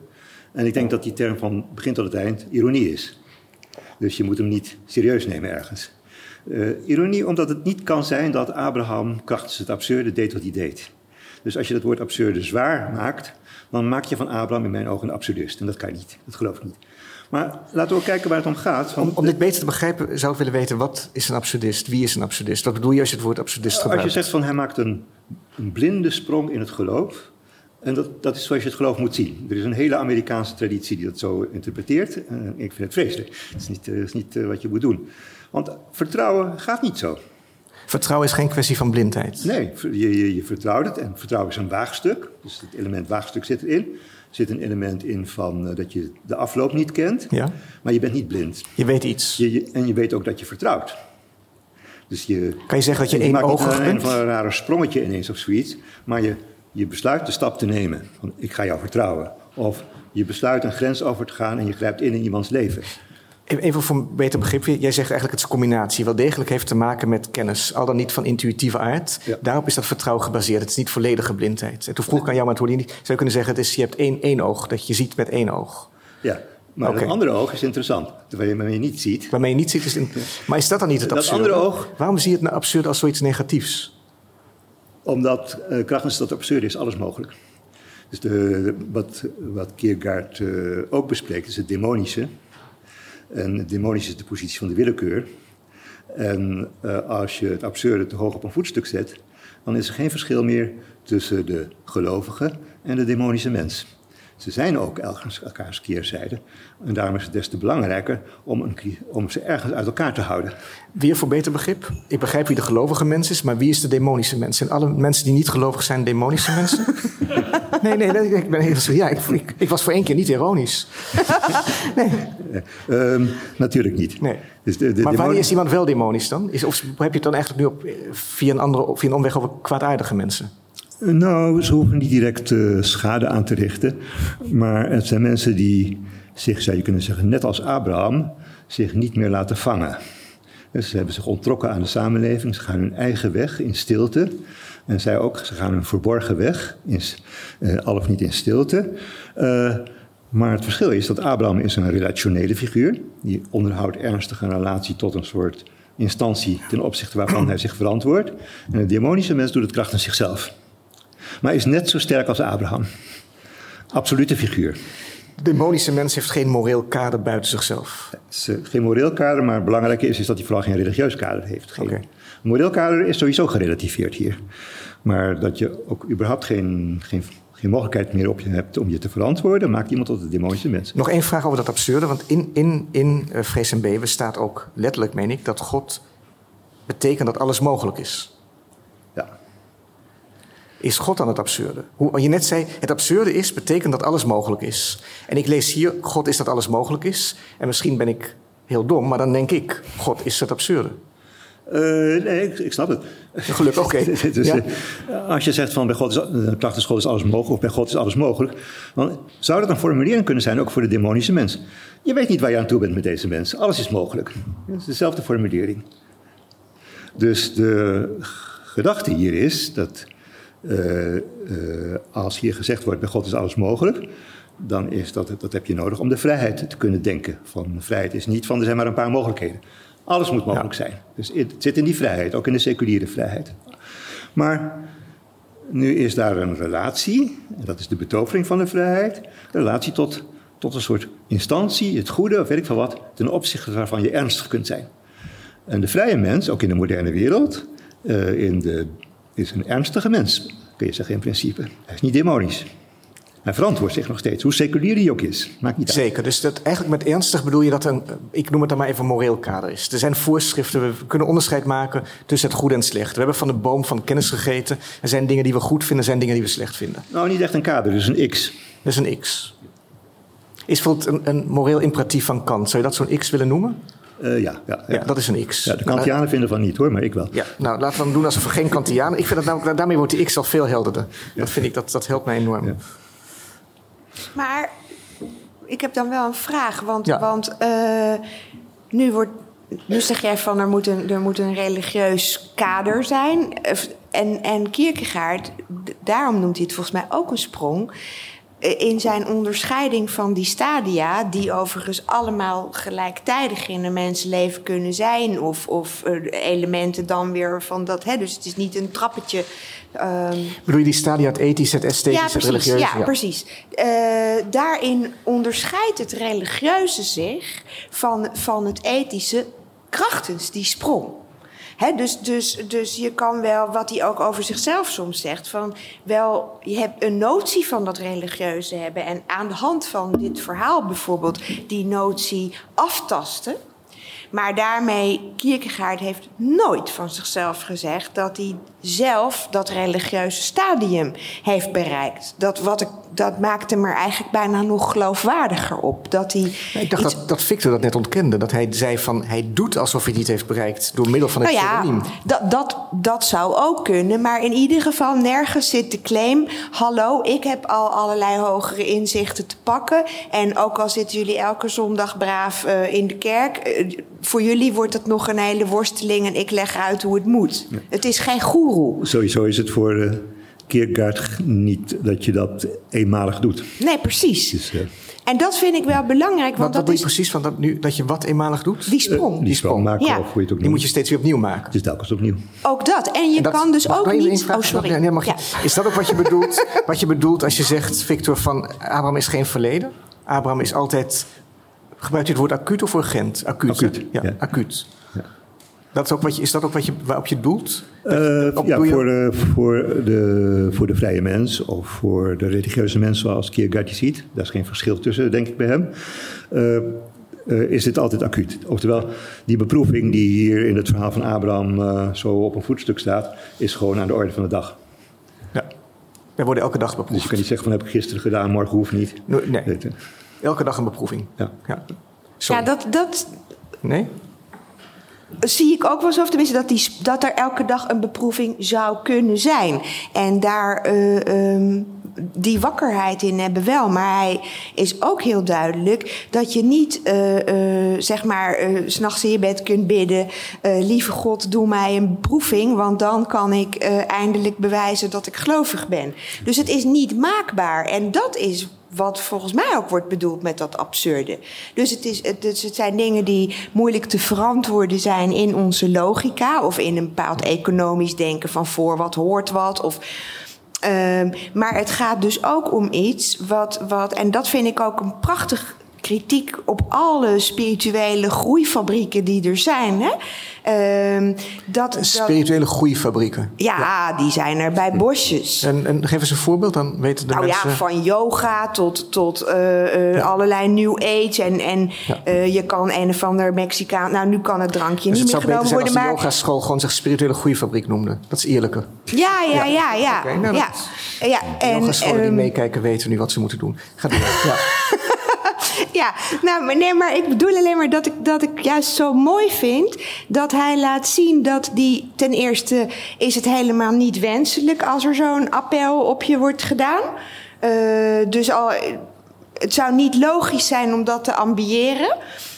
Um, maar het is ook niet maakbaar. Dus dat Abraham heeft niet gehoopt van... lieve God, ga mij een keer testen... want dan kan ik eindelijk tonen hoeveel ik van je hou. Ik denk dat hij al genoeg getest was daarom, voordat hij deze test daarom. kreeg. Maar, maar het is dus ook niet religieus om, om te mogen hopen op zo'n test. Je moet er misschien klaar voor zijn, maar dan nog... je weet niet hoe je zult handelen wanneer dat gebeurt. Je weet überhaupt niet of je zo'n test krijgt. Dus het, dus het is um, in die zin ook een sprong... dat van het esthetische stadium naar het ethische is een stap die je in het denken kunt voltrekken. En dit is tegelijk iets waar je denkend de, de ruimte van kunt aftasten. En nog weet je nooit precies of dat jou ten deel zal vallen. En dat moet je ook niet de willen. De beloning of de... Nou ja, nee, alleen al eerst de, de vraag. Test, de vraag. Ja. Even, even vraag. Misschien, ik bedoel, ik, je zei aan het begin, Victor, van religie is geen hocus pocus. Die stem komt niet van boven, die komt uit jezelf. Dan nog denk ik dat je wel vragen mag stellen, toch, over die stem. Eigenlijk heb je dat al aangegeven. Want je moet de psychotische stem, de onware stem, de demonische stem, hoe je het ook wil noemen, onderscheiden van de goddelijke stem. Um, mag je dan ook vragen waarom ik als Abraham, jij als Abraham, jij als Abraham zo'n opdracht krijgt? Het doden van je eigen zoon. Mag je het standpunt innemen van Job, een ander Bijbelboek, die zich beklaagt. Die zegt waarom God, Job wordt enorm gestraft na een weddenschap tussen God en Satan. Alles wordt van Job afgenomen. En op een gegeven moment heeft hij daar genoeg van. En hij zegt tegen God, ik ben altijd een gelovig en goed mens geweest. Ik heb geleefd voor je voorschriften. Je hebt alles, echt letterlijk alles van mij afgenomen. En eigenlijk, eigenlijk doet, gebeurt het al eerder in de Bijbel. Want je kan zeggen dat Isaac alles is voor Abraham. En dat benadrukt wat mij betreft is dat, zijn dat de minst ironische gedeeltes in het boek. Als, als het pseudoniem of Kierkegaard het over de vaderliefde heeft. En dan steeds weer benadrukt hoe immens Abraham van Isaac gehouden heeft. Dus mag je dan vragen, vanuit jouw religieus perspectief... ik denk dat je geen ander perspectief kunt of wilt innemen... waarom? Waarom, God, krijg ik dit, deze test? Had u geen andere test voor mij kunnen bedenken? Nou, uh er zit in, uh, in het verhaal uh, van, uh, van zoals ik het noem, van Bijbel, zit een, zit een soort logica. Abraham die had al, toen hij aankwam in het land waar het om ging, Canaan, had hij op drie plekken een altaar gebouwd. Je kunt het land niet op het altaar binden, dus hij had gewoon het altaar op het land gezet, dat is praktisch. Maar het gaat om hetzelfde. Van het land kan alleen maar het land van de toekomst zijn, zoals een beloofd is, als je dat land op het altaar bindt. Maar er is twee dingen toegezegd: land en nageslacht. Dus nu moet dat met het nageslacht ook gebeuren. Dus in die zin kon het niet anders dan dat die Isaac ook op het altaar moest binnen. En Isaac kan je echt op het altaar binnen, in tegenstelling tot land. Anders had hij het met het land ook gedaan. En het is in naam van die toekomst die hem toegezegd is. Dus hier begint een soort logica. Van als je aan iets toekomst wil geven, dan moet je toevertrouwen aan die factor, oriëntatie, hoe je het ook noemt, die de zaak heropent en nog een kans geeft. Anders zit je in het patriarchale vast waar hij vandaan komt. Hij is daar weggegaan. En nu moet toekomst prioriteit krijgen. Dat moet hij demonstreren voor het land en voor de mensen op het land. Om te beginnen Isaac. Dus de, het offeren van Isaac was een mogelijkheid, was een opening van de toekomst. Ja. En het, toen, hij, toen Abraham zijn afgoden vernietigde, kapot sloeg, toen brak hij met het gevangen zitten in het verleden. Ja. Maar er zijn, nogmaals, je zei het aan het begin, voor heel veel mensen in Nederland is religie een gepasseerd stadium. Oh, is een religie gepasseerd stadium. Er zijn heel veel mensen die zeggen van, nou ja, nu, we moeten, Allah, niets, niets heeft al voorspeld, we moeten God doodslaan. We moeten opnieuw met het verleden breken. Uh, dus hoe, hoe, begrijp ik wel, met welk verleden moet je breken en welk verleden moet je vasthouden? Want als je zegt, elke dag Abraham is acuut, betekent dat ook het in stand houden van het verleden. Dus hoe weet ik welk verleden ik moet loslaten en welk verleden ik moet vasthouden? Um, het criterium is in, uh, in dit perspectief, of in deze, in deze lezing van, uh, van Torah, is uh, of je te maken hebt met iets wat afsluitend werkt of openend werkt. Dus wat Nietzsche deed, is alle religie die in feite als een afsluiter was gaan functioneren, daarvan te zeggen, inclusief de God van die religie, dit, dit gaan we niet doen. Dit is, dit is in strijd met mijn besef van vrijheid. Dus dat klopte. Maar dat betekent niet, ik denk ook voor Nietzsche niet, dat hij daarmee de religie überhaupt bij de vuilnis heeft gezet. Integendeel. Het ging er eigenlijk om, om een mogelijkheid van religie te openen, ook voor Nietzsche. Maar religie moet wel, die, die openheid, anders wordt het een bekrompen religie. Heel simpel. Ja, hij moest God dood verklaren om hem weer leven in te blazen. Ja. ja. Ja, en hij zegt, en, en wij hebben hem gedood. Hè? Dus dat bedoelt, is ook een aanklacht. Het is niet alleen maar hij is dood. Maar er zit natuurlijk ook wel, in dit boek zit een enorme aanklacht tegen de christenen. Die ja, gelukkig wel. Kierkegaard om zich heen aantreft, toch? Ja. Ik wil nog even, om, om, om dat begrip van eindigheid en oneindigheid uh, toch wat helderder te krijgen. Nog één citaat, um, bladzijde 65. Wie zichzelf verloochent en zich opoffert voor de plicht, geeft het eindige op om het oneindige te grijpen. Hij is zeker van zijn zaak. En het begint voordat je het, de alinea begint hiermee, ik zal nog een keer voorlezen. Terwijl Abraham daarom zijn mijn bewondering wekt, verbijstert hij mij tegelijkertijd. Wie zichzelf verlogent en zich opoffert voor de plicht, geeft het eindige op om het oneindige te grijpen. Het eindige is, is, het, is het leven zelf. Kijk jullie allebei aan? Ja, ik vind het. Uh, het leven, maar uh, in de context van dit stukje is het uh, alle gegeven ethische normen, dus de overgeleverde zedelijkheid, zoals het uh, Hegeliaans heet, of de, de, de normatieve normaliteit, uh, het ehm, de, de, gangbare, de gangbare normen, om die zaak open te breken. Dus de, je kunt zeggen, dit is, dit is wat de kritische mens voortdurend doet. Uh, alle overgeleverde normen ter discussie stellen, in het geding brengen. Uh, niet om ze af te schaffen per se, maar om te kijken van wat is ter plaatse eigenlijk uh, wat vereist is. Eventueel om die norm ook een nieuwe kans te, te geven, maar in een transformatie.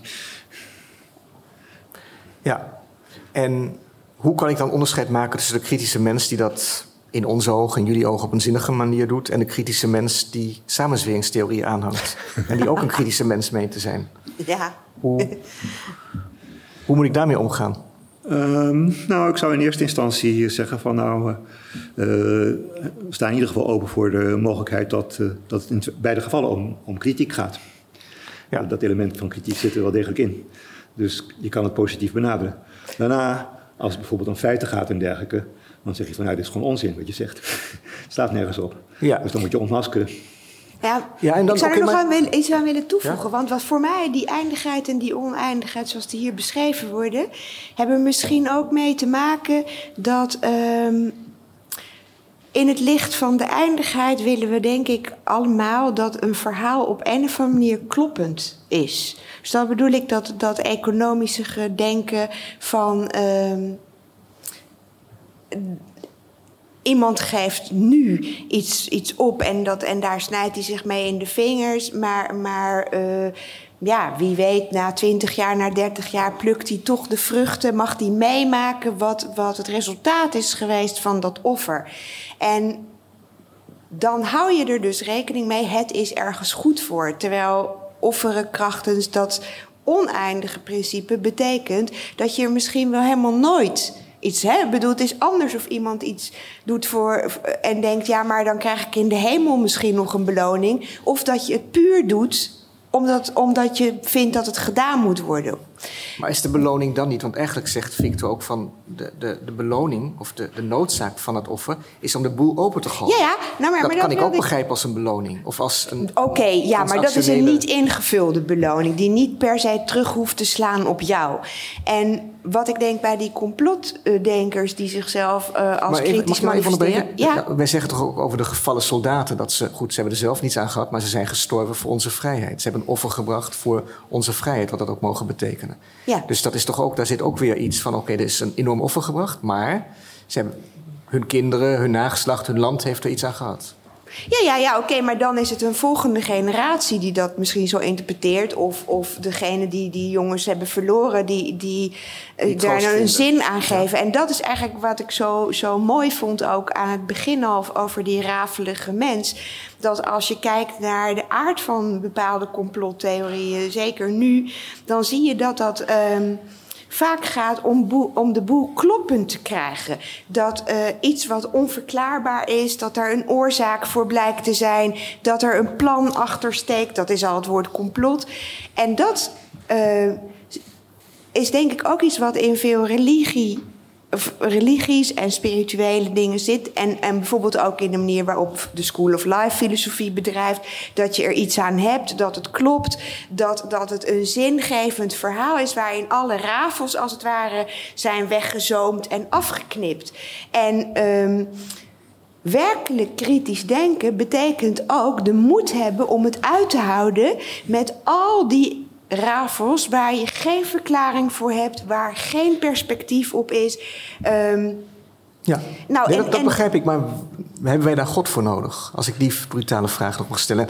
Mijn nou, is ook, God, kan je, kan je me wat God, water geven? Ja, zeker. Ook, dankjewel. niet een God, denk ik, die, die dan weer als um, de sluitpost van de rekening mag dienen. Ik vind dat ook heel uh, beledigend voor God.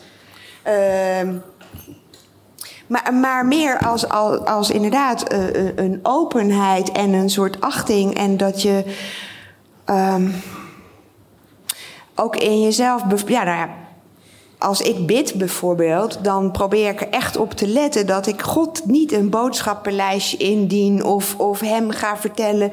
Ik kan wel situaties die me aan het hart gaan onder de aandacht brengen. Misschien bid ik vooral dan eigenlijk tegen mijn eigen ja, tegen iets in mezelf. Maar. maar uh, je stelt toch geen ik, vragen? Ik ben steeds kritisch. Nee, nooit. En, en, uh, maar wel als. als de instantie waar ik een soort dankbaarheid die ik niet direct aan, hè, voor dingen die niet direct aan mensen zijn toe te schrijven, maar aan situaties, aan schoonheid, uh, mooie ontmoetingen. Het is een bron voor, de, voor mijn dankbaarheid, maar ook voor mijn klachten, die verder gaan dan alleen uh, uh, daders benoemen of aanklagen of met de dader in mezelf het gevecht voeren. Ja, de, het is het verlangen dat het wordt waargenomen. Eigenlijk een beetje zoals bij Reven. De, het moet gezien worden. Ja, ja. ja. ja. Wat doe jij als je davent, als je bidt? Um, nou, niet zoveel. Ik bedoel, uh, wij zeggen routinegebeden. Dus je kan heel rustig aan iets anders denken terwijl je de gebeden zegt.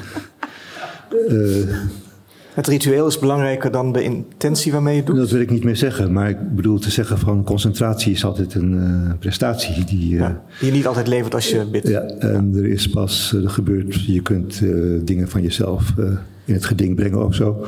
Maar er gebeurt misschien pas echt iets als je een soort intimiteit bereikt. Die, die, soms, uh, die, die, die, die er soms min of meer is. En wat was je vraag eigenlijk? De vraag was, Desanne beschreef net wat ze wel en wat ze niet deed als ze aan het bidden is. Mm -hmm. Er waren nog wel wat vragen, maar dat voert misschien te ver voor deze avond. En, en toen vroeg ik, wat doe jij eigenlijk als jij bidt? Ja. Dat was de vraag, een hele simpele vraag. Ja. Um, nou, uh, misschien is het belangrijkste is dat ik op een ogenblik uh, gewoon meedoe met de anderen. En ja. dat, dan gebeurt er iets. Ja. dus dan gebeurt er iets. dus gewoon een, dat er ontstaat er een, een, soort intimiteit, noem ik dat. Ja. Dat betekent een soort aangeraakt worden. En die maakt dat ik, dat ik ontroerd raak. Ja. En ja, zoiets. Dus het, het, is wel belangrijk, daarom ga je, dat heb je wel eens verteld, je gaat ook, geloof ik, iedere ochtend naar de synagoge, toch? Het is belangrijk dat dat met een minyan, met tien man gebeurt, dat je dat, ja. Ja, ja dat is het verschil met thuis. Maar heb je dan nog het bidden nodig? Je niet ook, als je dan met z'n allen in een ruimte een mondkapje opzet, heb je ook, doe je ook iets hetzelfde? Waarom... Er zijn ook synagoges waar, eh, waar meer het sociëteitsgebeuren wordt gecultiveerd. Uh, Werkt dat net zo? Heeft, zou dat, dat is ook leuk, want dat is vriendschap en zo, dus dat is, krijg je, is ook heel positief. Maar dan heb je dit niet, deze intimiteit, die ontstaat daar niet. Behalve dan. Daarvoor heb je echt het ritueel nodig. Ja, ja, ja. dan kan je beter meteen eigenlijk naar de borrel, naar de dienst gaan. En dan, dat doen sommige mensen ook, ja, toch? Ik wil nog even een, een Susan Neiman, een, een Amerikaanse filosoof, misschien weer van haar gehoord. In het boek Morele Helderheid waar ik overigens wel wat bezwaren tegen heb, maar dat doet er niet toe. Um, niet voor deze avond althans. Er zijn interessante dingen. Zij schrijft ook veel over Abraham, ook over Job trouwens. Maar ze maakt een enorm onderscheid tussen de Abraham die, die zijn zoon offert... en die zijn verwerpelijke moordenaar vindt... en de Abraham die gaat um, onderhandelen met God over, over Sodom en Gomorra. Ik heb daar zelf ook iets over geschreven. Maar ik vroeg me eigenlijk af hoe, hoe, of jullie dat onderscheid rechtvaardig vinden. Zijn er twee Abrahams zoals zij dat uh, ziet. De ene vindt zijn held, omdat hij zegt, voor degenen die het verhaal niet kennen, uh, Sodom is een zondige stad waar de mensen zondaars zijn. God, ik zal even het hele verhaal van, de, van Lot even achterwege laten, heel kort. Um, God wil die stad vernietigen en dan begint Abraham te onderhandelen.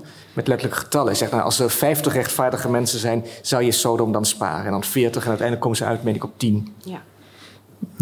Het is inderdaad, wat ik wel opmerkelijk vond, ik heb ook wel een andere verklaring voor me anders dan niemand, is dat, dat Abraham die onderhandeling aangaat met God en als het om zijn zoon gaat, stilzwijgend opvolgt. Ja, dat is een onvergelijkbare, onvergelijkbare gang van zaken. Bij Sodom is er een stad die, uh, die in uh, morele zin slecht is. Um, die je kunt zeggen van uh, de ondergang van, van die stad is in zekere zin terecht. En dan gaat Abraham pleiten voor Sodom. Dus dat is, kun je zeggen, een soort heropenen van de zaak. Van uh, Sodom zijn nog tien mensen, ga met die tien mensen verder. En in naam van die tien mensen kan je, verdient die stad een beter lot. Dus dat is Abraham die eigenlijk uh, een beroep doet op God en op, zijn, op Gods vrijheid. Van die, uh, uh, zit nou niet zo vast aan, die, aan al die mislukkingen daar, ja. maar er is meer mogelijk met mensen. Um, um, maar in, in de beproeving gaat het om, om hemzelf. En uh, een beproeving is iets heel anders. Het gaat niet om een bestraffing of iets dergelijks. Het is, uh, er is ook, Abraham is ook niet slecht. Dat is ook niet daarom dat die beproeving Isaac is niet slecht. Dus hij weet dat het een beproeving is. Ja, dus hij is, er is iets, iets ander, anders gaan. is, hij moet een, de beproeving is van, dan snap je dat er, een, dat er een probleem is. Het probleem van hoe je als eindige mens een met een grootse belofte omgaat. Maar als, als hij zo duidelijk weet dat het een beproeving is, weet hij dan niet stiekem ook dat het wel goed afloopt? Nee, want de, hij moet een prestatie leveren. En de, de grote angst van Abraham is, is of hij. Uh, hij is niet bang voor God of zoiets. Uh, hij is bang uh, dat hij tegenover God misschien toch ergens het spel niet helemaal volledig speelt. Dus het dat, spel? Dat Mag zegt, je het spel noemen? Ja, het spel. Dat, eh, dat, eh, dat, zegt de engel ook tegen hem, van dat je je zo niet hebt achtergehouden. Uh, dus je kan, iets, je kan het een beetje half doen. Ja. Kierkegaard speelt, doet daar ook iets mee. Je kan het een beetje half doen. Je kan het vergelijken met concentratie. Concentratie opbrengen, dat, is, uh, dat, dat moet volledig gebeuren, kun je zeggen. Dat zit in het woord concentratie. Maar je bent toch met koffie bezig. Dus dan is de concentratie is verdeeld. Ja. Als je zegt, Kierkegaard, Kierkegaard speelt het spel, dan bedoel je erop dat, dat, dat Johannes de Silencio Kierkegaard vier mogelijkheden van Abraham geeft. Waarin ook Abraham een ijzelende Abraham is. Een Abraham die, die iets verliest. Nee, nu kan ik even niet volgen. Hij geeft in, in, in Vrees en Beven komende vier mogelijkheden, toch? Van vier scenario's. Vier, begin? Ja. Uh, ik, bedoel, ik vroeg me af of je daarop doelde toen je zei... Uh, Kierkegaard doelt daarop, speelt daarmee. Met, met Abraham die, die... Nee, nee, niet die, die, vier mogelijkheden is in mijn gevoel iets anders. Oké. Waar doelde je dan op? Want dan begreep ik je verkeerd. Uh, ik bedoel, um, ja, spel, dat is misschien een woord wat misleidend werkt. De ernst. Het ernstige spel. Ja, dus de, ja? de, ernst van Abraham wordt op de, op de, op de proef gesteld. ben je in staat, de proef is, ben je in staat om je ernstig te verhouden tot, het, tot, deze, tot deze God die jou ziet? In ernstig verhouden betekent die stem die je hoort onvoorwaardelijk serieus nemen. Ja. Ook als je daarmee het risico loopt het onethische te doen, het immorele te doen. Of... Uh, ja, maar dat, dat lijkt zo voor de buitenstaander. Uh, dus eigenlijk doet hij alleen maar het onethische op het moment dat hij niet serieus is. Want dan speelt hij echt een spelletje. Dan houdt hij Isaac eigenlijk achter, juist omdat hij, omdat hij denkt ethisch te moeten zijn. Maar dat werkt averechts. Je, je moet gewoon je volledig moet je geven in het vertrouwen. En dan is het ook ethisch verantwoord. Maar, ja, en kan, kan, je dan, omdat je in het begin ook heel duidelijk hebt gezegd van Abraham is iets, is, is, nou ja, het is iets niet, het is niet iets van het verleden. Wat zijn de consequenties van deze duiding van Abraham voor jouw leven? Voor mijn leven? Uh, de, wat ik eruit haal is vooral de, de meedogenloosheid van het hele onderwerp concentratie. Dus, uh, Je bent geconcentreerd of je bent niet geconcentreerd. En alles wat je daarmee sjoemelt uh, is, uh, is verkeerd. Ben je nu geconcentreerd? ja. Wat, wat is voor jou de consequentie van... Eigenlijk aanvaard je net als, als Victor het verhaal, toch? Je, je, of het verhaal, de, mm -hmm. de beproeving. Mm -hmm. Ja, en dan corrigeer me als je het oneens bent. Ja, nou ja, ik denk dat ja. Of sta je er anders in dan Victor, toch? Ik denk het wel. En, en dan denk ik ook meteen, uh, misschien moet ik er toch gewoon maar weer eens even over schrijven of zo. Want anders, ja. Om het helder te krijgen? Ja, om het helder te krijgen. Ja, om het helder te krijgen. Omdat er volgens mij zoveel kanten aan zitten. En ik... Uh, en ik ook, ja, het blijft wat mij betreft ook steeds een boodschap gericht uh, uh, aan de toch ook vaak door hem wel als verstikkend ervaren christelijke cultuur op dat moment in Kopenhagen en in Denemarken. Dat, dat vind ik er heel belangrijk bij. Dus wat ik er zelf ook uithaal. Uh, dat is iedere keer weer hoe makkelijk je. Kijk, bidden in gemeenschap en zo, dat vind, uh, vind ik heel belangrijk. Of dat je een, een, een vorm vindt, religieuze vormen vindt. Dat het niet iets is alleen maar van jou alleen. Maar, maar betekent tegelijk wel dat het in al die momenten waar het erop aankomt, en dat kan van alles zijn uh, het niet alleen maar een soort aanvaarding is van ja, ten diepste ben ik eenzaam, maar dat je die eenzaamheid echt wil dragen. Dat, dat lijkt me één ding wat in dit verhaal, dat je dat je, je, je diepste nou, wat niet meer alleen maar je geweten is, maar je diepste liefde, kan je niet uitbesteden. Kan je niet. Er weegt iets zwaarder dan je geweten. Dat is toch iets wat, wat steeds weer terugkomt. Ja, dat geweten dat, kan misleidend zijn. dat, dat eh, lijkt mij eh, eh, een van de dingen waar, waar dit boek me elke keer weer aan herinnert. Van denk niet dat je ook maar enige. ehm, hoe belangrijk het ook is om over ethische kwesties na te denken. Maar, maar de ultieme waarheid heb jij niet, in je zak. Ja. En daarop aansluitend, Victor, als jij zegt van het, het. God is dat alles mogelijk is. Vrijheid is in principe ook dat alles mogelijk is. Maar in het denken. Op het moment dat, dat de vrijheid. Het, dat het daadwerkelijk tot daden kan leiden. Dat in daden alles mogelijk is. gedraag je als een demonisch mens. Ja. Ja, dus ik, ik mag denken van ik zou die helft van de zaal graag neerschieten en deze helft laten leven. Dat is mijn vrijheid. Maar ik word pas demonisch als ik echt die de helft van de zaal neerschiet. Ja, dat is heel helder, denk ik. En dat, maar toch ook heel helder dat we het wel mogen denken. Dat vind ik wel heel fijn. ik heb niets, dit was maar een voorbeeld, ik heb niets tegen die deel. En dat is ook. Ik wil even eindigen voordat ik de, de, de, het woord aan de mensen in dat deel en dat deel en dat deel van de zaal geef, toch met ironie omdat het een paar keer terugkomt. En omdat Victor nu al begint te lachen als ik dat woord gebruik, dat ik zit op het juiste spoor, denk ik dan. Lachen is ook een vorm van concentratie. Er is echter nog een laatste woord van Abraham bewaard gebleven. En voor zover ik de paradox kan begrijpen, kon ik ook heel Abraham, Abrahams tegenwoordigheid in dat woord begrijpen. In de eerste plaats zegt hij niets. En in die vorm zegt hij wat hij te zeggen heeft. Zijn antwoord aan Isaac heeft de vorm van ironie, want het is altijd ironie als ik iets zeg en toch niets zeg. Ik vond het heel, dat sprak me erg aan. Maar het is, is, of is het ook weer ironisch en werf je het nu weer... Nu weer ja, ik, mij, ik zie je alweer kijken, Victor. Nee. Ik denk, nou. Ja, oké, oké. Misschien kan je me dan nog wat water geven. Dit, dit gaat over wat het antwoord van, pardon, het gaat over het antwoord van, eh, van Abraham op de vraag van Isaac, Ja. toch? Ja. De, Bladzijde 128. ja, de, Het zwijgen van Isaac, van Abraham.